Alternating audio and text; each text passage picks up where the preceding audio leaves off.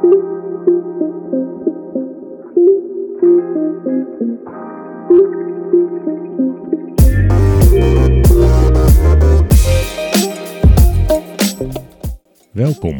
Leuk dat je luistert naar de AMLC-podcast van het Anti-Money Laundering Center. Witwassen vormt een ernstige bedreiging voor de economie en tast de integriteit van de financiële sector aan. AMLC is een kennis- en expertisecentrum waar publieke en private partijen nationaal en internationaal samenwerken om witwassen te bestrijden. Met de AMLC-podcast willen we partijen op een toegankelijke wijze steunen bij het effectief bestrijden van witwassen.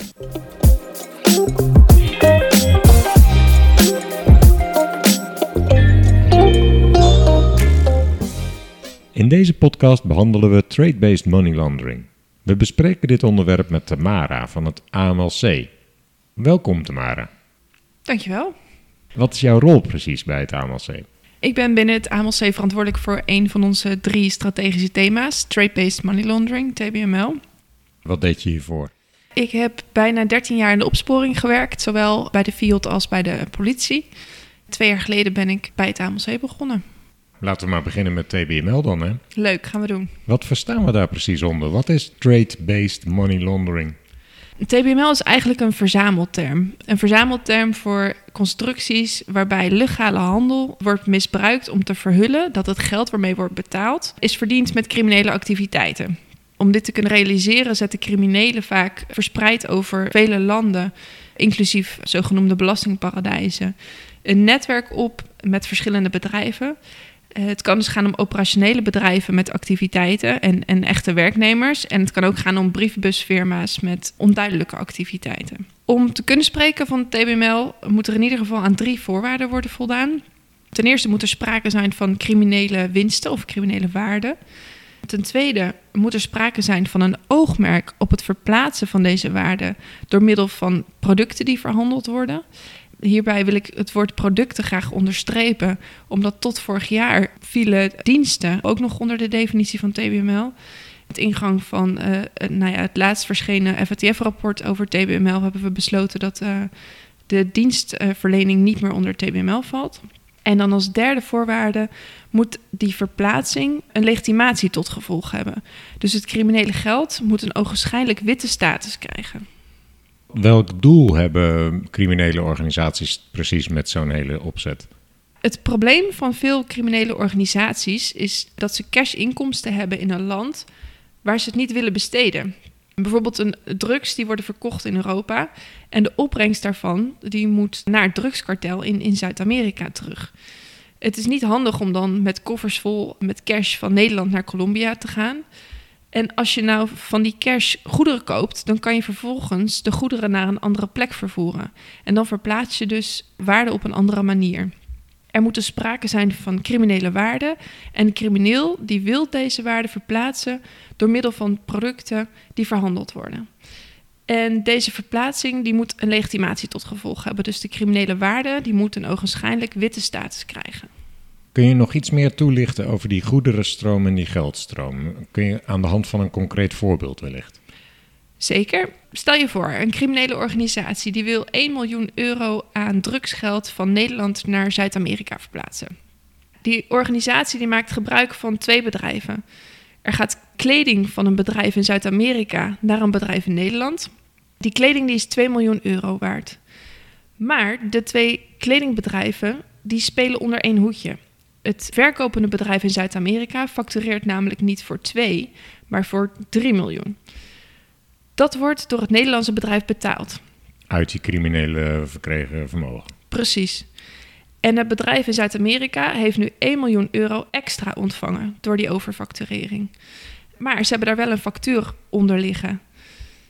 En voor die factuur is dus geen kleding geleverd. Dus de criminele organisatie die heeft op die manier 1 miljoen verplaatst van Nederland naar Zuid-Amerika.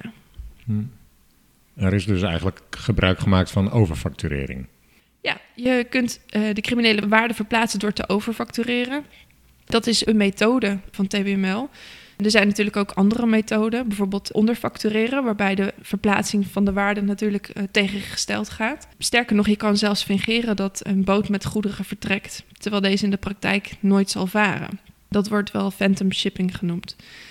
En dat zijn allemaal technieken waarbij een vorm van documentfraude wordt gepleegd.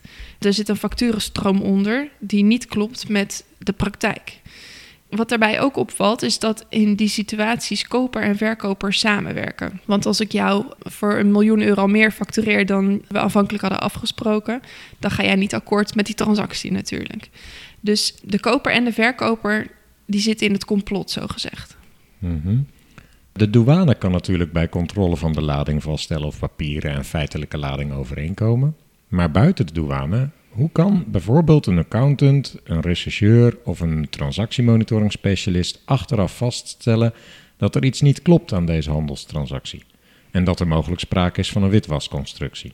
Ja, dat is een goede vraag. Dat blijft inderdaad lastig. Ten eerste kun je letten op de gehanteerde prijzen voor goederen. Wijken die sterk af van wat je zou verwachten, dan kan dat een aanwijzing zijn voor TBML. Dus letten op deviaties in, in normale prijzen. Criminelen die kiezen vaak bewust voor producten waarvan de waarde van het product moeilijk te bepalen is. Welke prijzen zijn gebruikelijk voor bijvoorbeeld een doos met 12 flessen wijn? Als ik jou nu een fles wijn laat zien en ik vraag jou wat denk je dat die wijn kost, dan, dan nou ja, tenzij je een enorme wijnkenner bent, maar wordt dat toch een lastig verhaal voor de gemiddelde persoon. Of hele specialistische landbouwapparatuur. Dat is ook lastig op waarde te waarderen. Dat soort goederen zijn bij criminelen geliefd omdat eigenlijk niemand weet wat, wat het kost. En bijvoorbeeld ook kunst. Het is maar net wat iemand daarvoor geeft. Wij kunnen met z'n tweeën afspreken dat een schilderij dat ik heb gemaakt een waarde heeft van anderhalf miljoen. En dan kun je dat aan mij overmaken. Mhm. Dus vooral dat soort goederen zijn, zijn erg geliefd. Daarnaast is het bepalen van een marktconforme prijs natuurlijk ook erg ingewikkeld. En heb je veel kennis van de sector nodig. Waar je verder op kunt letten is de logica van handelstromen. Stel, er gaat een lading aardappels van Zuid-Amerika naar Nederland. Ook dan zou er een belletje moeten gaan rinkelen, want je zou die goederenstroom andersom verwachten. Nederland is groot in de export van aardappelen. Dus waarom zouden wij dan aardappelen uit Zuid-Amerika gaan importeren? Wederom hangt dat enorm samen met sectorkennis natuurlijk. Welke ja. goederenstromen gaan welke kant op? Mhm. Als wij strooizout gaan exporteren naar een land waar het nooit vriest, dan zou dat ook meteen uh, vraagtekens op moeten roepen. Waarbij je dan wel rekening moet houden met dat het geen doorvoerland is. Dat het dan de eindbestemming is natuurlijk. Want als doorvoerland kan er natuurlijk veel meer. Komt dat ook vaak voor dat de doorvoerlanden gebruikt worden in zo'n TBML-constructie? Of is het altijd van A naar B? Nee, juist. Er wordt vaak juist gaan goederen over meerdere landen om het zo complex mogelijk te maken om het te detecteren. Hm. En zijn er nog andere kenmerken van TBML? Zeker. Waar je ook nog aan zou kunnen denken zijn bedrijfsvreemde activiteiten. Bijvoorbeeld, er is een onderneming die al jarenlang in auto's handelt en die gaat nu ineens in, nou, noem eens iets. Bloemen. In de bloemen. Dat zijn dingen die opvallen. Daarnaast onnodige complexe bedrijfsstructuren, de betrokkenheid van hoogrisicolanden en het gebruik van feitelijk lege shell companies. Dat zijn dingen waar je op zou kunnen letten. Mm ja, en inmiddels kennen we TBML-casuïstiek uit allerlei sectoren. Van de metaalsector tot aan de landbouw, van de automotive sector tot edelmetalen, tweedehands kleding tot horloges. Dus ja, je kan en mag het in elke sector verwachten. Je moet erop beducht zijn. En het kan dus zowel gaan om high-value, low-volume goederen, maar ook andersom om low-value, high-volume goederen.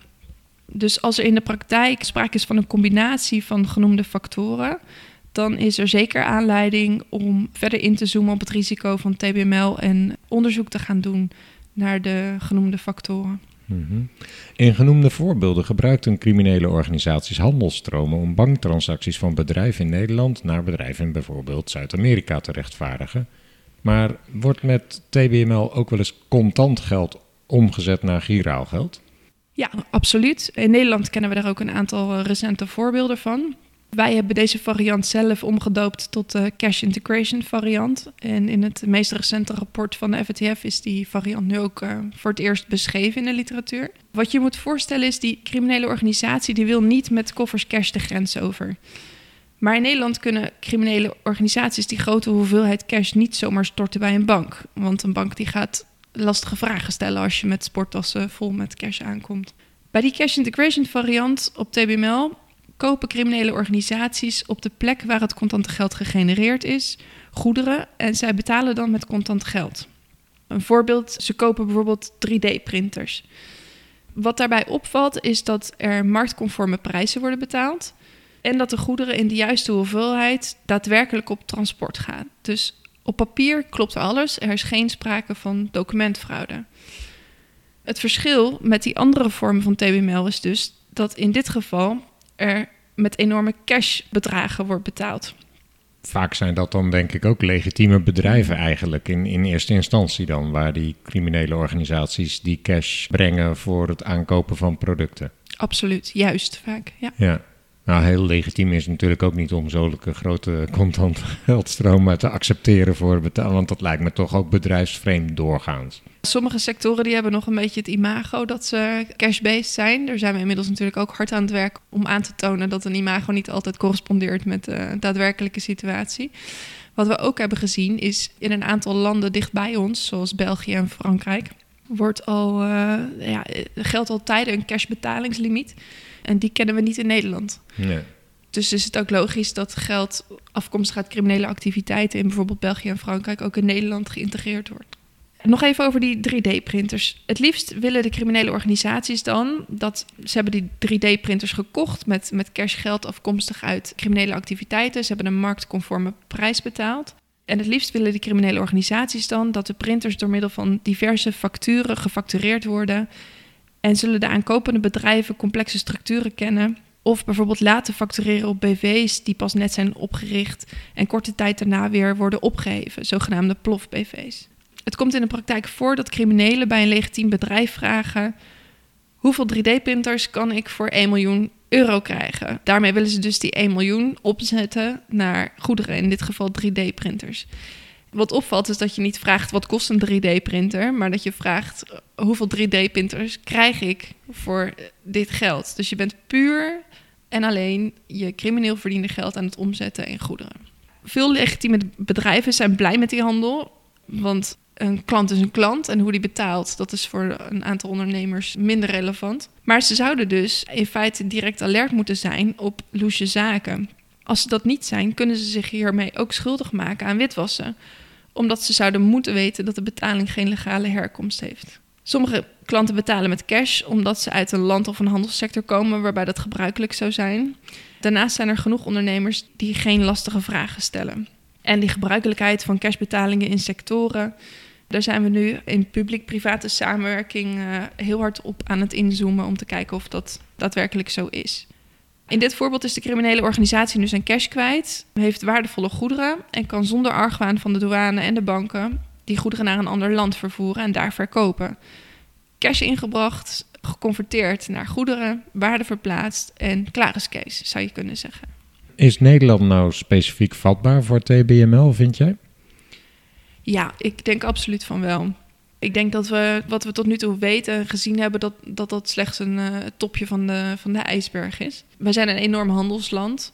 We liggen heel gunstig, hè, geografisch gezien. We hebben een enorm doorvoerpositie. We willen ook heel graag zo snel mogelijk al die containers doorzetten richting het achterland, zo gezegd. Beter voor de economie ook. Beter voor de economie, zeker. Iedere dag dat iets langer duurt, kost het natuurlijk geld in de handel. Ja. We hebben een hele goede infrastructuur. We zijn weinig corrupt. We betrouwbaar financieel, juridisch en, en politiek stelsel. En je kunt dus ook uh, veilig en stabiel investeren als je hier dat geld omzet in uh, legitieme bedrijven of panden kopen. Of. We zijn zeker ook een goed investeringsland. We hebben een enorme haven. Maar wat daarbij opvalt is de focus van de douane. Die ligt vooral op de goederen die Nederland binnenkomen. Wat heel goed te verklaren is in die zin dat daar natuurlijk de veiligheidsrisico's zitten. Uh, daar kun je de drugs aantreffen die mensen Nederland proberen in te smokkelen.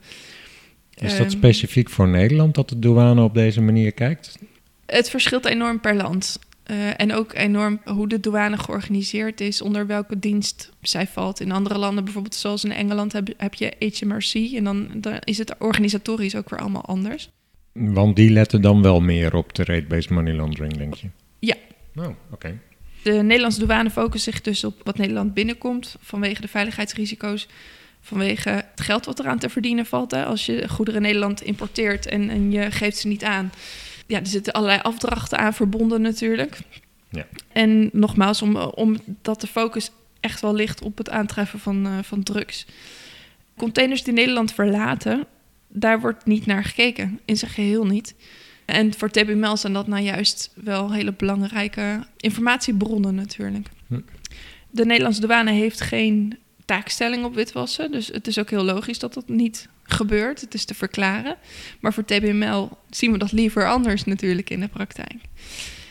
Je, je, gaf ook aan, Nederland is een groot handelsland. Dus die geldstromen van bijvoorbeeld drugs of crimineel op andere wijze verkregen geld... kun je ook makkelijk mengen in de handelstransacties die je normaal al ziet. Nederland heeft heel veel uh, en grote financiële sector in verhouding. Absoluut, absoluut. Zeker wat je zegt in verhouding, ja. Ja, ja dan, um, dat is natuurlijk misschien niet specifiek voor TBML... maar voor witwas in het algemeen ook. Ja, dat denk ik ook, zeker. Wat trouwens ook wel uh, goed is om, om te weten voor de luisteraar, denk ik, is dat we als Nederland echt voorop lopen in de witwasbestrijding. Ja, we lopen net zo vooraan als landen als Amerika, Engeland, Australië en um, nou, bijvoorbeeld Canada. En zeker ook in het bewustzijn van eh, TBML. En daarnaast lopen we absoluut ook voorop in de samenwerking tussen publieke en private partijen. Kennisuitwisseling is in de, zeker voor TBML natuurlijk essentieel. Wat zien we in huidige opsporingsonderzoek op het vlak van TBML? Leuke vraag. In Nederland hebben we vooral veel aandacht gehad voor die cash integration variant. We zagen enorme hoeveelheden cash geïntegreerd worden in de automotive sector en in de agrarische sector, consumptieve landbouwproducten. Internationaal zagen we een ander beeld. Zagen we juist veel voorbeelden van ja, die documentfraude varianten, zeg maar. Die cash integration variant is natuurlijk ook een variant die je niet in ieder land tegenkomt, omdat niet overal die, die cashbetalingen ge, geaccepteerd worden. We proberen dit jaar wel meer aandacht te genereren voor die um, documentfraude varianten en, en meer de high-end money laundering te gaan ontdekken. Wat we vooral zien in uh, Nederlandse opsporingsonderzoeken is dat criminelen hun best doen om, ja, noem het hide in plain sight. Dus die criminelen gaan op in, in grote en in logische goederenstromen. Bijvoorbeeld dat auto-onderzoek waar ik net aan refereerde. Wij zijn de grootste lease-autorijders in, uh, in de wereld. onze auto's die hebben niks te, te lijden in Nederland. We hebben goede wegen, we hebben geen enorme bergen en dat soort uh, dingen. We hebben een APK-keuring, gecontroleerd kilometerstand. En roesten doen ze ook nauwelijks meer. Roesten doen ze ook niet meer. en na vier jaar mag je vaak weer een nieuwe lease-auto natuurlijk. Dus die auto's die hebben, nou ja, die zijn als nieuw. Ja, precies. Dus ze hebben een goede marktwaarde en we hebben daar een enorm aanbod in. Dus dan is het ook logisch dat je als crimineel bedenkt: wij gaan op in een, in een logische en in een grote goederenstroom, waardoor je minder snel opvalt. Ja. Wat we ook hebben gezien is dat de sectoren die we in de opsporing hebben waargenomen, dat dat vooral sectoren zijn zonder toezichthouder. Dat zou ook niet helemaal op toeval uh, berusten, denk ik.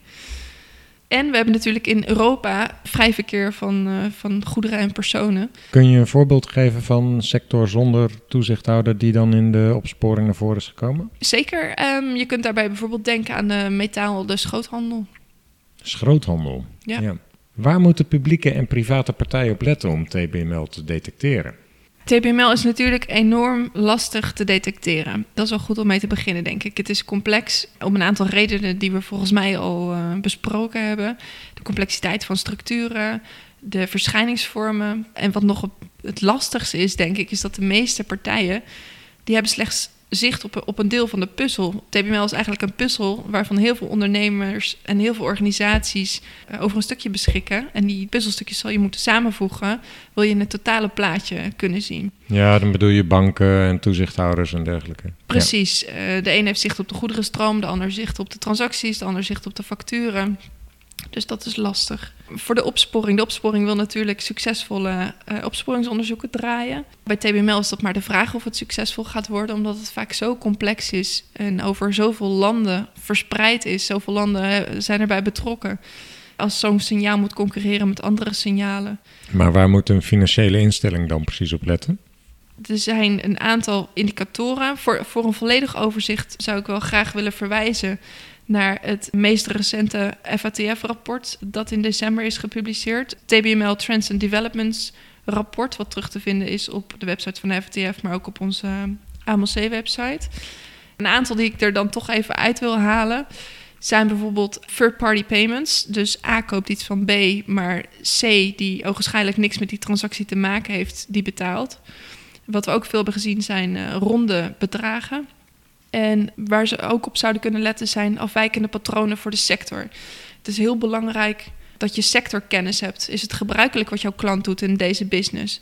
Dus je moet eigenlijk op zoek naar deviaties. Zijn de goederenstromen logisch? Natuurlijk heeft een bank geen zicht op fysieke goederenstroom, maar, maar kan dat misschien wel opmaken uit een transactieomschrijving hm. of uit de business van zijn klant. Dus is, is de route logisch? Dus je moet echt op zoek naar, ja, naar deviaties en daarvoor is sectorkennis echt belangrijk.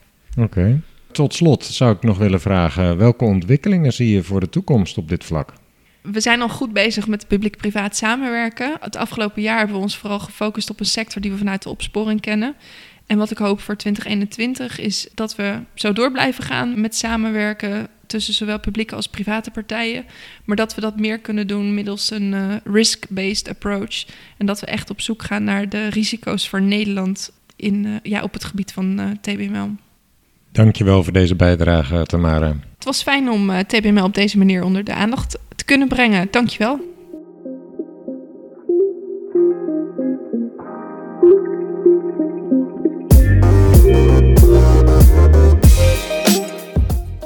Dit was een aflevering van de AMLC-podcast. Dank voor het luisteren.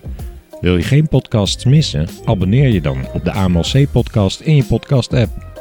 Wil je meer informatie? Bezoek dan de website van het AMLC op www.amlc.nl. Schrijf je in voor de nieuwsbrief van het AMLC en volg de AMLC-pagina op LinkedIn.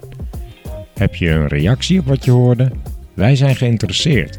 Stuur een e-mail naar aml.center postbus.belastingdienst.nl. Graag tot volgende keer.